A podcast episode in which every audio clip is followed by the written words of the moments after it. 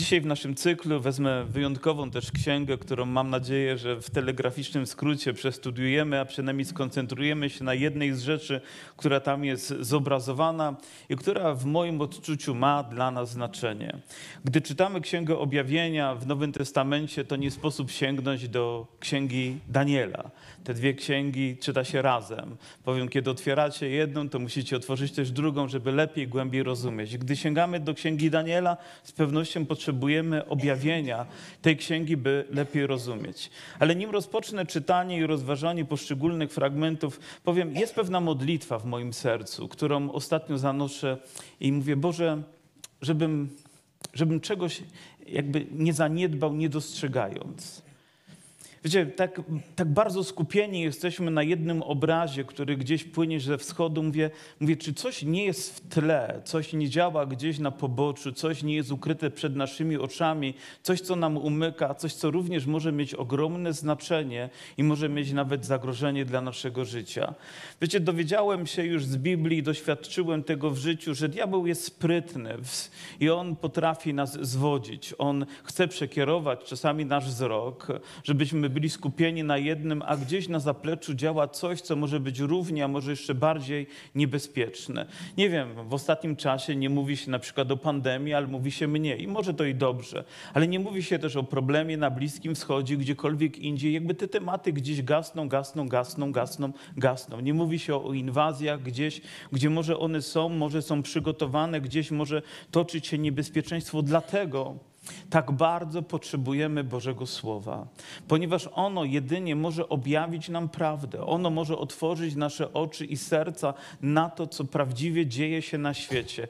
Jak duchowa walka się toczy, nie tylko ta fizyczna, którą widzimy, ale ta duchowa, która gdzieś działa, która może dzieje się w Stanach, może dzieje się w Europie, może dzieje się w parlamentach, może dzieje się gdzieś, może powstają tam rzeczy, na której kanwie będzie coś, czym wszyscy będziemy zaskoczeni i być może nawet przerażeni. Ale księga Daniela rozpoczyna się dość trudnym fragmentem, bo to Izrael, naród Boży, wybrany lud, doświadcza czegoś bardzo bolesnego napaści, agresji. E, Jerozolima jest obleczona przez Nebukadnezara, króla babilońskiego i obległ ją. I później ten drugi wiersz, który wydaje się nam tak trudny do zrozumienia. A Pan wydał w jego ręce Joakima, króla judzkiego. Innymi słowy, zdobył Jerozolimę i nawet zabrał rzeczy z domu pańskiego po to, żeby sprowadzić do swojego kraju, po to, żeby umieścić w swojej świątyni Bogu, któremu on służył. Ale Pan wydał. Oto on przybiegł, przybył, oblek, a Pan wydał. Wiecie, gdybyśmy takich słów użyli odnośnie agresora, który gdzieś przybył do naszego kraju, zdobył nas i gdyby kaznodzieja powiedział, ale Pan wydał nas w jego ręce, to prawdopodobnie każdy taki człowiek zostałby zlinczowany, prawda? Ale Biblia mówi nam zawsze prawdę, ponieważ to, co się wydarzyło, nie było przypadkowe, ponieważ nie było czymś, co zdarzyło się od po prostu nagle, niespodziewanie, ale coś, przed czym Pan Bóg ostrzegał lud, mówił do nich, e, posyłał swoich proroków z ostrzeżeniem, aby się upamiętali, aby zwrócili swoje serca do Niego, aby zaczęli wołać do Niego, aby odnowili swoje życie, ale oni trwali w uporze, oni trwali w grzechu, oni trwali w nieposłuszeństwie i nagle mówią, co się dzieje dzieje. Bóg wiele razy posyła swoje słowo ostrzeżenia. On wie, czego potrzebujemy, wie, jak nas na to przygotować, obyśmy mieli otwarte serca i nie musieli się mierzyć z czymś, co może być przykrą konsekwencją. Później dalej dowiadujemy się w wierszu czwartym, że zabrał ze sobą młodzieńców bez jakiejkolwiek wady, pięknych z wyglądów, uzdolnionych do wszelkiej wiedzy, obdarzonych bystrym rozumem, pojętnych do nauki, dlatego sposobnych do pełnienia służby w Pałacu Królewskim miał też mm, nauczyć pisma i języka chaldejskiego. Wróg przychodzi i zabiera to, co najlepsze. Zabiera młodź, zabiera ludzi zdolnych, zabiera ludzi wykształconych, zabiera ludzi pojętnych, po prostu zabiera. Wtargnie i zabiera, aby zawładnąć. I myślę, że to nie jest dalekie również od tego, co widzimy dzisiaj, że tak wielu młodych, tak wielu mm, wykształconych, tak wielu zdolnych ludzi gdzieś służy, ale nie temu, co my chcielibyśmy, żeby miało miejsce. Tak patrzę na nas i myślicie, że nie ma tutaj ludzi, którzy są zagrożeni. Nie ma tutaj młodych ludzi, którzy stają w niebezpieczeństwie, że pewnego dnia ich talenty, ich dary, ich obdarowania. Z pewnością, gdy patrzymy nawet na artystów, to wielu ludzi, którzy gdzieś później nagrywali płyty i byli znani na całym świecie, zaczynali w chórze kościelnym, zaczynali w grupie uwielbienia, zaczynali od tego, żeby chwalić Boga, ale rzecz potoczyła się dalej, stali się sławni, popularni, a później ich koniec najczęściej był jakiś dramatyczny i naprawdę był wielką tragedią w ich życiu, bo to przyszedł ktoś, kto powiedział im, że mogą na tym zarabiać, że będą bardziej sławni, że będą doceniani. Jakby zagarnął ich talenty, użył dla swojej chwały, a ich pozostawił w poniewierce. Myślę, że to niebezpieczeństwo towarzyszy nam wszystkim, bo bez względu na to, cokolwiek robimy, kimkolwiek jesteśmy zawodowo, musimy pamiętać, że jesteśmy Bożymi dziećmi. Musimy pamiętać, że nasze życie należy do Boga. Musimy pamiętać, że dary, które nam dał, oczywiście będą służyć temu, że zarabiamy, zdobywamy pewne możliwości, ale przede wszystkim, przede wszystkim każdy z nas jest powołany do, do tego, żeby żyć dla Boga, żeby przynosić Mu chwałę, żeby każdy dar i talent był przede wszystkim zwrócony dla Niego. Myślę, że w tym jest pewna lekcja i to taka głęboka lekcja, i król oto, czytamy w wierszu piątym, wyznaczył im dzienne utrzymanie ze stołu królewskiego oraz wino, które sam pijał. Miano ich wychowywać trzy lata, po czym mieli iść na służbę do króla. Kiedyś usłyszałem, wydaje się, inspirujące kazanie, ale miało pewną wadę to kazanie, ponieważ miało błędne założenie.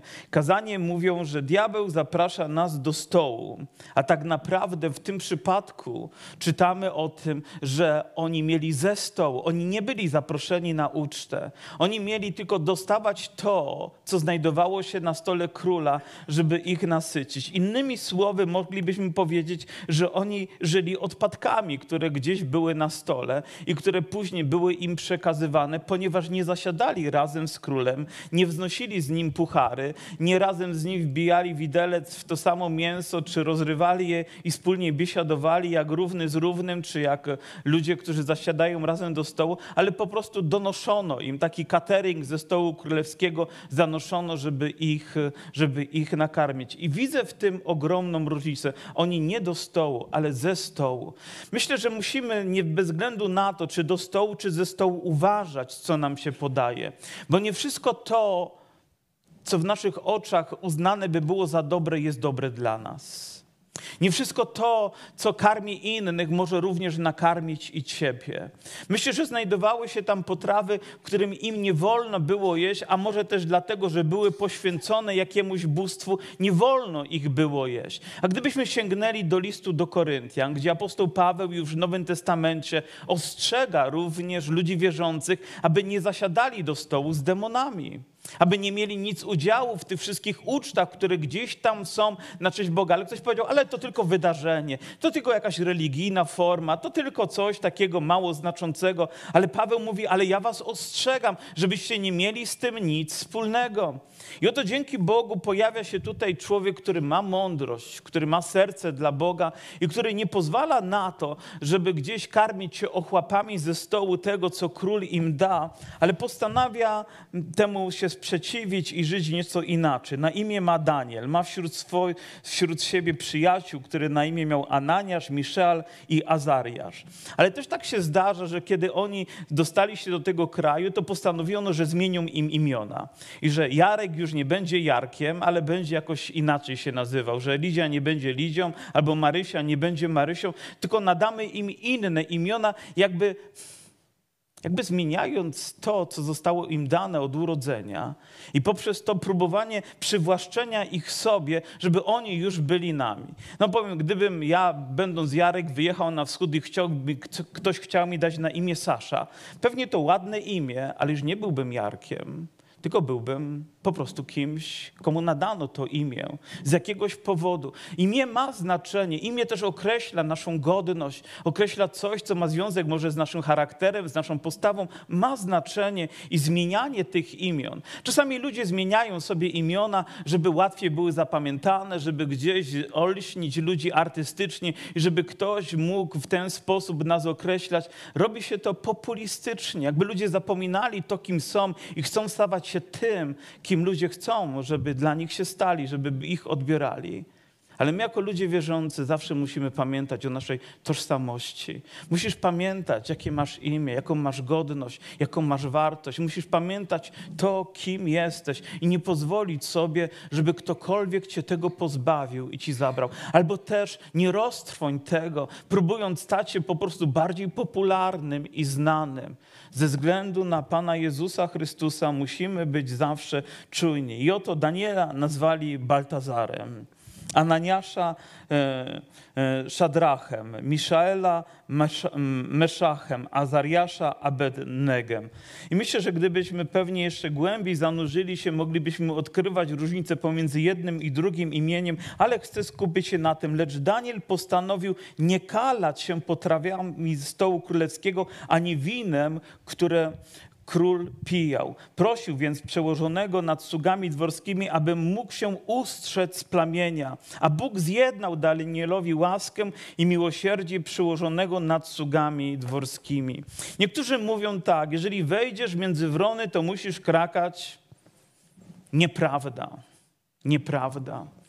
Gdziekolwiek jesteś, Powiem, gdziekolwiek jesteś, na jakiejkolwiek uroczystości, nie musisz zachowywać się tak jak wszyscy, jeżeli wiesz, kim jesteś. Nie musisz jeść tego, co wszyscy jedzą, nie musisz pić tego, no bo jakże może być inaczej. Muszę przyznać, że byłem kiedyś na, na weselu wierzących ludzi, gdzie oto pojawił się też alkohol. Oczywiście nie chcę tutaj jakby wyolbrzymiać tego, że pojawił się alkohol, no ale zaczęto śpiewać piosenkę, że a kto z nami nie wypije, niech się... Jak to dalej brzmi? Pamiętacie tę piosenkę? Na, na chrześcijańskim weselu tak nas powitano. I wiecie co? Wchodziłem pod stół. Moja żona na siłę mnie wyciągnęła i jest tego świadkiem. Wyciągałam win, no nie wygłupię się. Jak po prostu chciałem być posłuszny temu, co tam oni zaśpiewali. My nie, nie zawsze musimy zachowywać się tak, jak ludzie nam zaśpiewają. Nie zawsze musimy sięgać po to, co wydaje się okazją, ponieważ może być to zwodnicze i może być niebezpieczeństwo. Nie byłoby dalszej historii, gdyby tutaj Daniel nie postanowił wraz ze swoimi współbraćmi, że jednak nie będą sięgać po te pokarmy, że postanowią inaczej się żywić. Nawet wydawałoby się, że ze szkodą dla siebie, ponieważ ten, który był nad nich przełożonymi, zatrwożył się, gdy Daniel postanowił, że będą tylko jarzyny jadać. Z drugiej strony, proszę uważajcie, żeby nie wpisywać w Biblię tam, czego nie ma. Ponieważ to, że oni wybrali taki sposób żywienia, to nie znaczy, że my musimy do naszego chrześcijaństwa dołączyć jakąś dietę. My najczęściej rozmawiamy o polityce, o sporcie i o jedzeniu, i o dietach, i o dietach, i o innych rzeczach. I czasami w kościele również staje się to temat, który jest jakiś tam ważny. I nawet niektórzy powiedzą, że jak tak nie będziesz się odżywiał, to nie będziesz zdrowy, że nie będziesz dobrym chrześcijaninem, albo jeszcze inne rzeczy. Wiecie, mam tylko jedno stwierdzenie na takie powiedzenia: bzdura bzdura, bo nie kala mnie to, co do mnie wchodzi, ale to, co ze mnie wychodzi. Ale w tym przypadku dla Daniela oznaczało to pewien kompromis, na który on nie chciał pójść ze względu na wiarę w Boga. I myślę, że dobrą rzeczą jest powstrzymywać się od rzeczy, które mogą kalać nasze umysły i nasze serca. Jeżeli w Twoim domie było nadużywanie alkoholu, albo Ty sam miałeś z tym problem, nigdy więcej nie sięgaj po alkohol. Po prostu postanów, że nie będzie alkoholu w Twoim domu, że nie będzie tam ani grama alkoholu. Aleluja! Kiedyś Amerykanie słyszały od nich takie powiedzenie: to proste nie pić. Wystarczy, że nie będzie pierwszego kieliszka. to nie będzie kolejnego i nie będzie kolejnego i nie będzie, nie będzie kolejnego. Ale on bał się, że oni będą gorzej wyglądać niż inni i poniesie tego konsekwencje, więc zrobiono taką próbę, że przez 10 dni będą tylko jarzyny jadać, będą tylko korzonki jadać, a co tuściejsze odkładać. A więc będą tylko jeść to, co wydaje się jest no, niekoniecznie tym, po czym muskulatura rośnie i człowiek tężnie wygląda. Ale po upływie 10 dni okazało się, że lepiej wyglądali, byli tężsi na ciele niż wszyscy młodzieńcy, którzy jadali pokarm ze stołu królewskiego. Co oni jedli, że tak dobrze wyglądali? I znowu odpowiedź. Nie dieta ich zmieniła, ale Bóg, który był w ich sercach. Bóg, który o nich się troszczył. Proszę, nie przypisujcie takich rzeczy tym okolicznościom, ale wszystko i za wszystko należy się chwała Bogu.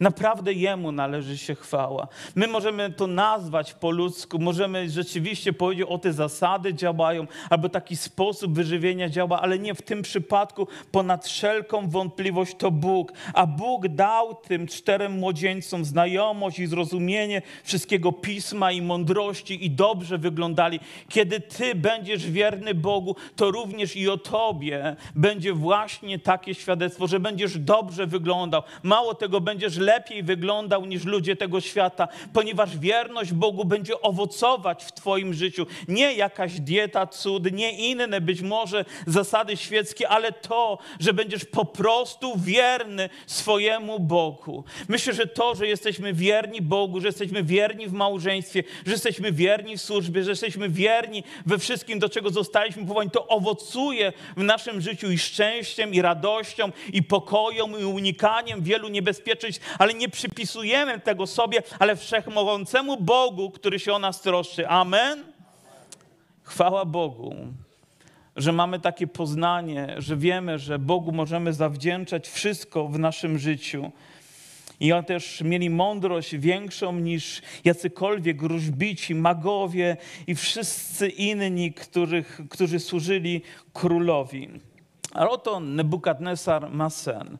Sen go bardzo zaniepokoił. Tak bardzo, że gdy obudził się, od razu wezwał wszystkich magów, wróżbitów, chaldejczyków, wszystkich, których miał na wyciągnięcie ręki, aby oni przyszli i wyłożyli mu sen. Problem tylko był w tym, że gdy oni wszyscy się tam zebrali, żeby mu ten sen wyłożyć, to teraz mówią, no dobrze, dobrze, król, to powiedz nam, co tobie się śniło, a my ci ten sen wyłożymy.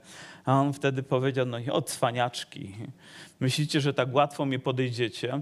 Wy tutaj będziecie interpretować i będziecie grać na zwłokę.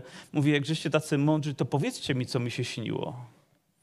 I wtedy będę miał pewność, że wy wiecie, co mi się śniło, będę miał pewność, że dacie mi należyty wykład. I oni powiedzieli, nikt tego nie potrafi. Wiecie, czytając ten fragment wiele lat temu, doszedłem do takiego przekonania i, i, słyszę nawet, że niektórzy na to się powołują i cieszę się, że miałem w tym taki wkład, że diabeł nie zna myśli człowieka. Bo gdyby znał, to mógłby objawić któremuś z tych Chaldejczyków, wróżbitów, magów i innych tam czarowników, co mu się śniło. Ale nie, diabeł nie jest Bogiem, diabeł nie jest wszechmogący. Diabeł nie może wszystkiego, on jest ograniczony. Wszechmogący jest tylko jeden święty, żywy Bóg. Koniec, kropka. Diabeł ma pewną władzę, ale jest ograniczona, ma pewne zdolności, ale są ograniczone. Natomiast władza i autorytet Boga nie są ograniczone. I na szczęście wśród tych, którzy mieli dostęp do tego niewyczerpanego źródła mądrości i wiedzy, był Daniel. I gdy usłyszał, że oto postanowiono, że wszystkich tych wróżbitów, magów, a do nich też, do tych mądrych ludzi zaleciali się jego przyjaciele i on postanowił coś z tym zrobić. Bo my zaprowadźcie mnie do króla, a ja mu wyłożę sen. Dajcie mi tylko czas, abym mógł, abym mógł w tej sprawie zawołać. I Daniel modli się. Co wy robicie, gdy macie problem do rozwiązania? Co robicie? Gdzie biegniecie? Internet otwieracie, od razu Google są waszym Bogiem, który ma podpowiedzieć na wszystkie potrzeby. Powiem, Daniel się modlił. Modlił się i niech będzie błogosławione imię Boga od wieków na wieki. Albowiem do Niego należy mądrość i moc. On zmienia czasy i pory. Wiecie, to nie jest tak, że On zmieniał, On zmienia czasy i pory. Bóg wciąż ma tę samą moc, Bóg wciąż ma tę samą chwałę. On utrąca królów i ustanawia królów. Udziela mądrości mądrym, a rozumnym rozumu. Wiecie, mógłbym czytać tak pewnie do jutra i każdy z nas delektowałby się tymi słowami, ale przeczytajcie sobie sami tę księgę i zobaczycie, ile piękna, ile mądrości jest w niej.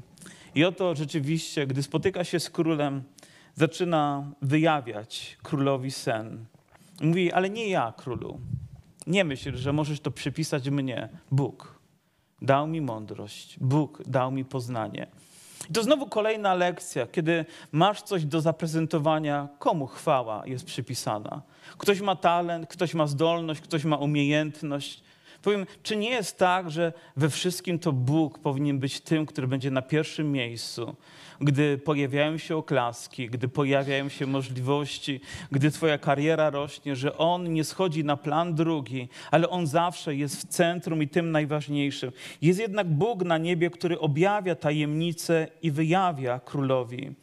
I później mówi, Taki miałeś oto sen, oto olbrzymi posąg stał przed tobą. Wielki był ów posąg, potężny jego blask i straszny jego wygląd. Głowa jego e, posągu była ze szczerego złota, jego pierś, jego ramiona ze srebra, jego brzuch i jego biodra z miedzi, jego golenie z żelaza, jego nogi po części z żelaza, po części z gliny. Patrzyłeś, a w ten bez udziału rąk oderwał się od góry kamień, uderzył ten kamień w nogi z żelaza i gliny i skruszył je.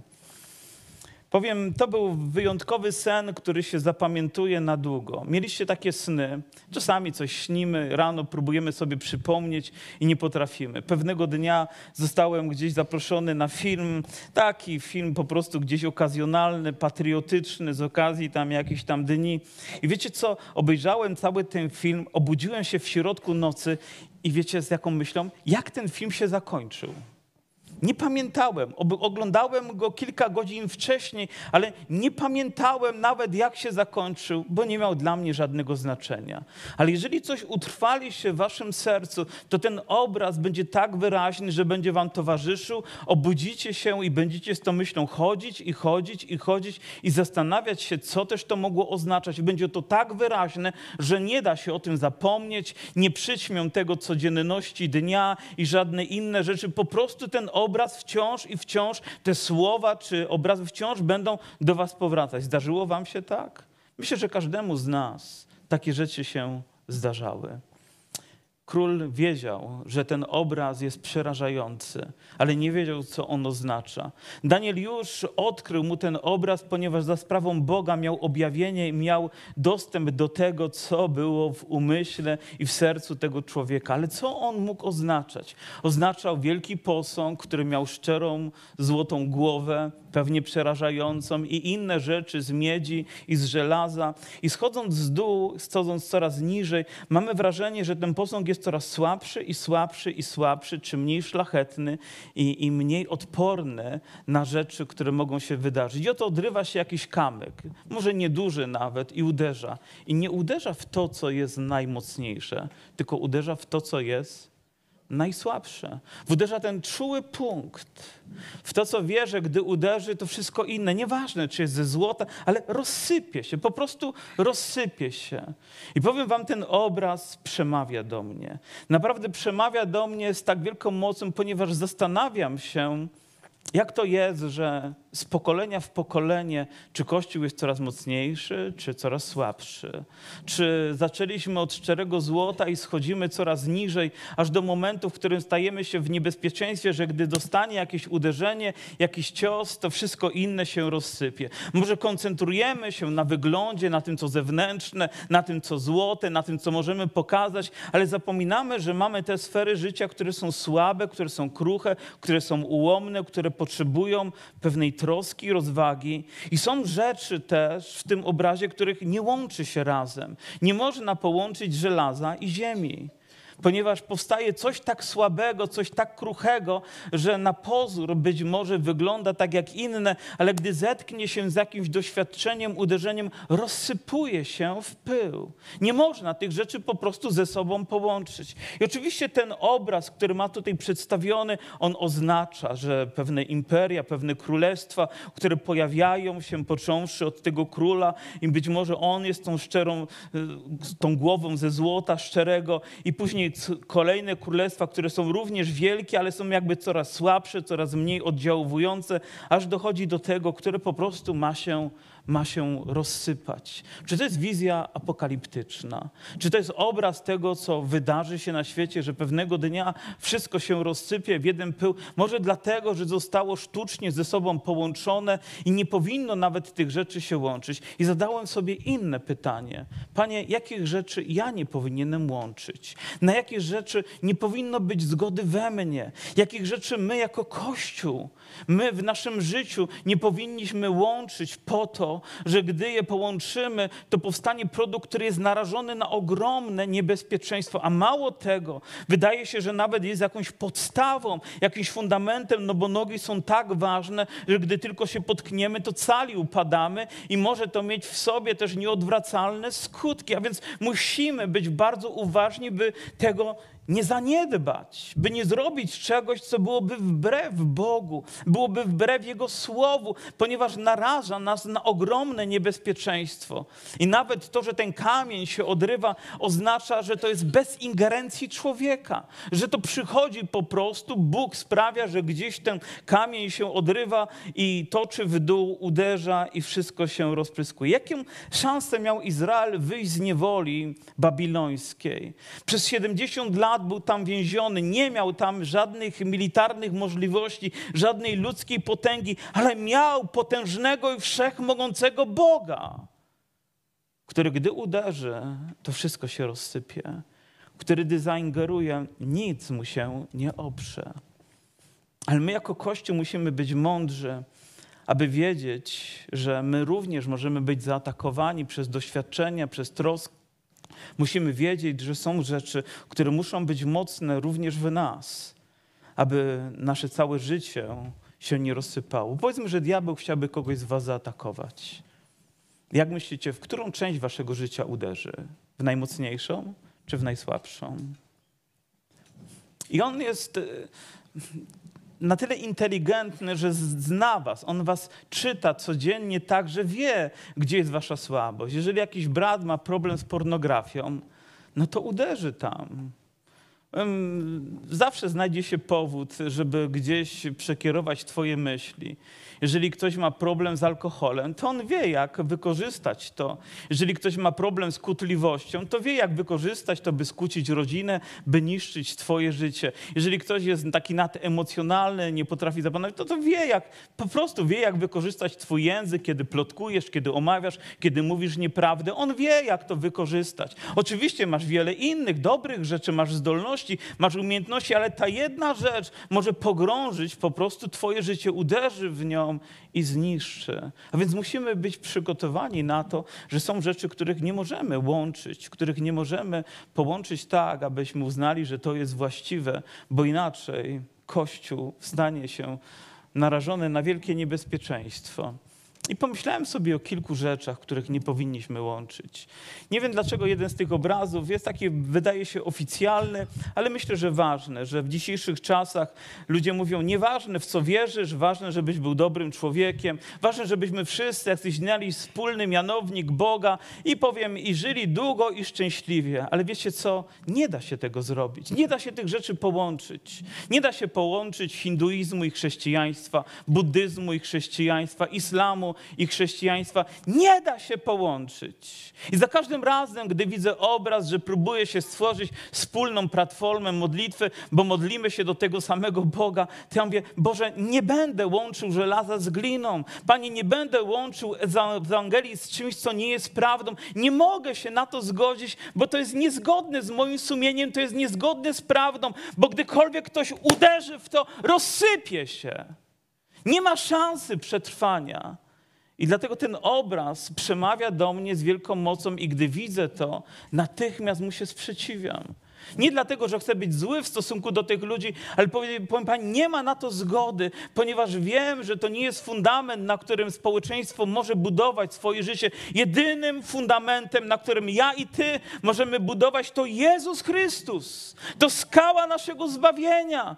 Ona nigdy Cię nie rozsypie. Bóg uczyni Twoje życie mocnym i silnym, ale musimy sprzeciwstawić się wszelkiemu złu, wszelkiemu zagrożeniu, które się pojawia inna rzecz. A więc ten obraz myślę, że jest, nie wiem jak byśmy go nazwali, taką ogólnoświatową ekumenią, czy czymkolwiek innym, albo religie wszystkie świata, łączcie się i być może diabeł będzie próbował do tego doprowadzić, żebyśmy oddawali cześć jedynemu posągowi, jedynemu bóstwu i w ogóle nie byli tym przerażeni i mogli się cieszyć i o, w związku z tym będziemy szczęśliwi i pełni pokoju. Nigdy nie będziesz miał pokoju, jeżeli w twoim sercu nie będzie Ducha Świętego, nie będzie będzie Ewangelii, nie będzie Bożego Słowa, nigdy nie będziesz miał prawdziwego pokoju. Druga rzecz, która gdzieś dotarła do mnie, to to, że próbujemy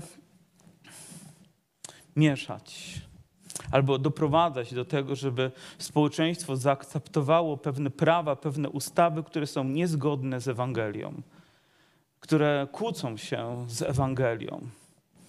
Podam Wam drastyczny przykład i być może już będziecie mogli budować inne rzeczy. Gdybyśmy jako, jako Kościół zgodzili się na przykład, że no prawem dla nas również są związki jednopłciowe, że ustalamy po prostu, no przecież możemy jakoś dogadać się z ludźmi, musimy tutaj iść na kompromis, musimy być ludźmi oświeconymi. Wiecie, jeżeli zaakceptujemy taki fakt, to będziemy niszczyć rodziny Ja wiem, że takie słowa nie są popularne i wiem, że być może niektórzy z was nawet myślą, no ale no, prawo jest prawem, tak? Ale dla mnie są rzeczy, których nie można łączyć. Nie, nie można. Nie, nie dlatego, że ja jestem tak zły i dlatego, że ja jestem przeciwny wszystkim ludziom, bo uważam, że każdy człowiek zasługuje na miłość, zasługują ludzie na szacunek, zasługują na naszą troskę, ale nie ma zgody na to, żeby pewne rzeczy połączyć i powiedzieć, one po prostu tak będą już dlatego że to nie jest zgodne ze standardami tego, co Bóg nam objawił, i my musimy być mądrzy, żeby rzeczy nazywać też po imieniu, żeby wiedzieć, że żelazo to żelazo, ziemia to ziemia, Ewangelia to Ewangelia, świętość to świętość, a świat to świat, grzech to grzech. I tych rzeczy po prostu ze sobą nie łączymy, nie możemy połączyć, dlatego że to jest sztuczne, to jest złe, to jest nieodpowiedzialne i to może doprowadzić wcześniej czy później do zniszczenia. Do zniszczenia czegoś, co dla nas ma, ma wartość. A niech to jeszcze będzie zaakceptowane przez Kościół, no bo uznamy, że skoro świat, to my też. Ktoś zapuka do drzwi i powie, że ja muszę też uczestniczyć w ślubach, gdzie wstaje dwóch partnerów tej samej płci i po prostu jestem zmuszony do tego, bo tak obliguje mnie do tego prawo. Ja wiem, być może idę daleko, ale zdaję sobie sprawę, że ten obraz po prostu przeraża mnie, a z drugiej strony przemawia do mnie. Uświadamia mi, że muszę być czujny, muszę być uważny, żeby po prostu niektórych rzeczy nie łączyć. Ale żeby nie iść daleko, możemy też zająć się Kościołem, możemy zająć się nami, jako społecznością ewangelicznie wierzących ludzi, gdzie spotykamy się, wielbimy Boga. Ale co jest, kiedy standardy tego świata, kulturę tego świata zaczynamy wynosić do kościoła, bo nam się to podoba. Kiedy bezkrytycznie przyjmujemy pewne formy, pewne style, pewne rzeczy, no bo, no bo to jest popularne, bo to jest może nawet miłe, bo może nawet to przyciąga uwagę ludzi, ale i tutaj byłbym ostrożny, żeby po prostu nie łączyć tego, co podsuwa nam świat, z tym, co powinien wyrażać Kościół, bo staje się to niebezpieczne dla nas. To, że za, przez chwilę będzie dla nas wygodne i miłe, to nie znaczy, że będzie mocnym fundamentem, na którym będziemy mogli się oprzeć. Myślę, że dostatecznie wiele mamy rzeczy przedstawionych nam w Bożym Słowie, to jak Kościół czy jak Izrael rzeczy robił, żebyśmy mogli być naśladowcami, mogli być wierni Bogu, a nie sięgać po to, co próbuje nam podawać ulica, co próbuje nam podawać kultura, co, nie wiem, media czy, czy, czy inne rzeczy, które są tak populistyczne. I my musimy również to samo robić, na tą samą modłę, w tym samym stylu. Uważam, że gdzieś jest granica, której nie powinniśmy przekraczać, bo zaczynamy łączyć żelazo z gliną. I wtedy taki kościół może stać się wielkim niebezpieczeństwem. Na pozór może nawet stanie się większym, ale gdy przyjdzie doświadczenia, gdy ten kamień się odłamie i gdy uderzy, może się okazać, że nic nie pozostanie. Dlaczego w tak wielu dużych też i kościołach ewangelicznych gdzieś na świecie wybuchają co, co róż jakieś afery, afery związane z intymnością życia ludzi, a zwłaszcza przywódców? Może dlatego, że poszli właśnie bardzo daleko, że za cenę popularności i tego, że stali się takimi idolami dla ludzi, zapomnieli o swojej wartości, zaczęli się gubić w swoim życiu i w związku z tym narazili się na ogromne, ogromne niebezpieczeństwo. Musimy po prostu uważać by pewnych rzeczy ze sobą nie łączyć. No dobrze, zgódźmy się teraz, no małżeństwa też mieszane w kościele. Poprzez małżeństwa mieszane to nie rozumiem, że jest mąż i żona, że jest on i ona, tylko to, że po prostu łączymy się z ludźmi ze świata, tak bezkrytycznie. No musi się to zaakceptować w końcu, no przecież nie będziemy tak hermetyczni, nie będziemy szukali tylko wierzących ludzi, no bo może nie jest tak wielu mężczyzn, czy nie ma tak wiele kobiet, które moglibyśmy odnaleźć, więc musimy sięgać dalej. Ale czy zdajecie sobie sprawę, w jakim niewielkim niebezpieczeństwie znajdujemy się wobec Bożego Słowa, kiedy przekraczamy te granice? A może zacznijmy łączyć biznes z kościołem? O, cudowny zlepek kiedy pewne rzeczy związane z biznesem zaczynają pojawiać się i być może jest to gdzieś nawet e, akceptowalne, nawet myślałem sobie, że czasami niektórzy prowadzą jakieś misje związane z charytatywnością, innymi dobrymi rzeczami, ale na kanwie tego buduje się Kościół i on w zasadzie jest tylko jedno, ma, ma jakby jedną misję związaną z funkcjonowaniem tej grupy, ale to jeszcze nie jest Kościół. Kościół to coś więcej. A może zacznijmy łączyć politykę z Kościołem. Bo przecież żyjemy w świecie pełnym polityki, pełnym wyzwań, które ona nam daje, i zacznijmy przenosić to na kazalnicę, zacznijmy sugerować ludziom, na kogo i dlaczego powinni głosować. I jak, czy myślicie, że to jest dobry fundament, na którym możemy budować? Nie wiem, czy zdajecie sobie sprawę, ale gdzieś może w krajach, które kiedyś były dla nas wzorem, gdy chodzi o chrześcijaństwo, polityka i Kościół stają się tak połączone ze sobą, że nie sposób tego oderwać. Ale czy to jest zdrowe, czy to jest właściwe? Nie. Wiecie, być może lista jest dość długa, ale my musimy wciąż uważać, żeby nie łączyć tych rzeczy, ponieważ stają się taką mieszaniną, która jest narażona na tak ogromne niebezpieczeństwo, że wystarczy ten mały mały kamień, który oderwie się i zacznie wszystko niszczyć. Krok za krokiem zacznie się wszystko rozpadać. Jedna i kolejna i kolejna rzecz, aż wszystko zostanie w ruinie. I z pewnością mógłbym jeszcze przywołać wiele rzeczy związanych z księgą Daniela, bo ona jest piękna, ale chciałbym przywołać wam pewien obraz z księgi objawienia, ponieważ te księgi się ze sobą łączą. Jednym ze zborów, który tam jest wymieniony e, z tych listów do siedmiu zborów i zbór, który ma ogromne problemy, to zbór w Laodycei. Problem tego zboru polega na tym, że nie jest ani zimny, ani gorące. Ale kiedy połączymy zimno i gorąco, to co się staje? Letnie. Znowu połączenie. Tylko, że Bóg mówi, żeś ani zimny, ani gorący, to ja cię wypluję z ust moich. I oto niebezpieczeństwo, w którym stanął ten Kościół, że że nie uznawał, że musi wybrać jakąś stronę, że musi się określić, że musi być transparentny przed Bogiem, bo zarówno to, że była woda zimna, ona miała swoją uzdrowieńczą moc i woda gorąca miała swoje lecznicze właściwości, ale woda letnia powodowała po prostu torsję. Było to związane ze źródłami gorącymi, które tam wypływały. Można było pić zimną wodę, można było kąpać się może w gorących i to wszystko było dobre, ale nie spożywać letniej wody. Kościele Pana Jezusa Chrystusa, moje drogie siostry, moi drodzy bracia, nie będziemy łączyć wody letniej, wody zimnej z gorącą. Nie będziemy łączyć tego świata z Kościołem, jego kultury z Kościołem. Nie będziemy łączyć polityki z Kościołem. Nie będziemy sankcjonować prawa, które jest wbrew Bożemu prawu, bo połączenie tych rzeczy po prostu doprowadzi do zniszczenia. Myślę, że diabłu udaje się gdzieś przemycić te myśli do naszego serca, udaje się wypracować dla nas, wydaje się właściwe kompromisy, ale nawet nie zdajesz sobie sprawy, w jak ogromnym niebezpieczeństwie się znajdziesz. Za chwilę, gdy oderwie się mały kamień, za chwilę, gdy przyjdzie pierwsze doświadczenie, za chwilę, gdy zetkniesz się z problemem, Diabeł uderzy w to, co najsłabsze w Twoim życiu i będziesz musiał bardzo uważać, bo wszystko może się rozsypać. Uderzy w Twoją rodzinę, uderzy w Twoje małżeństwo, uderzy w Twoją karierę, uderzy w Twoje emocje, uderzy.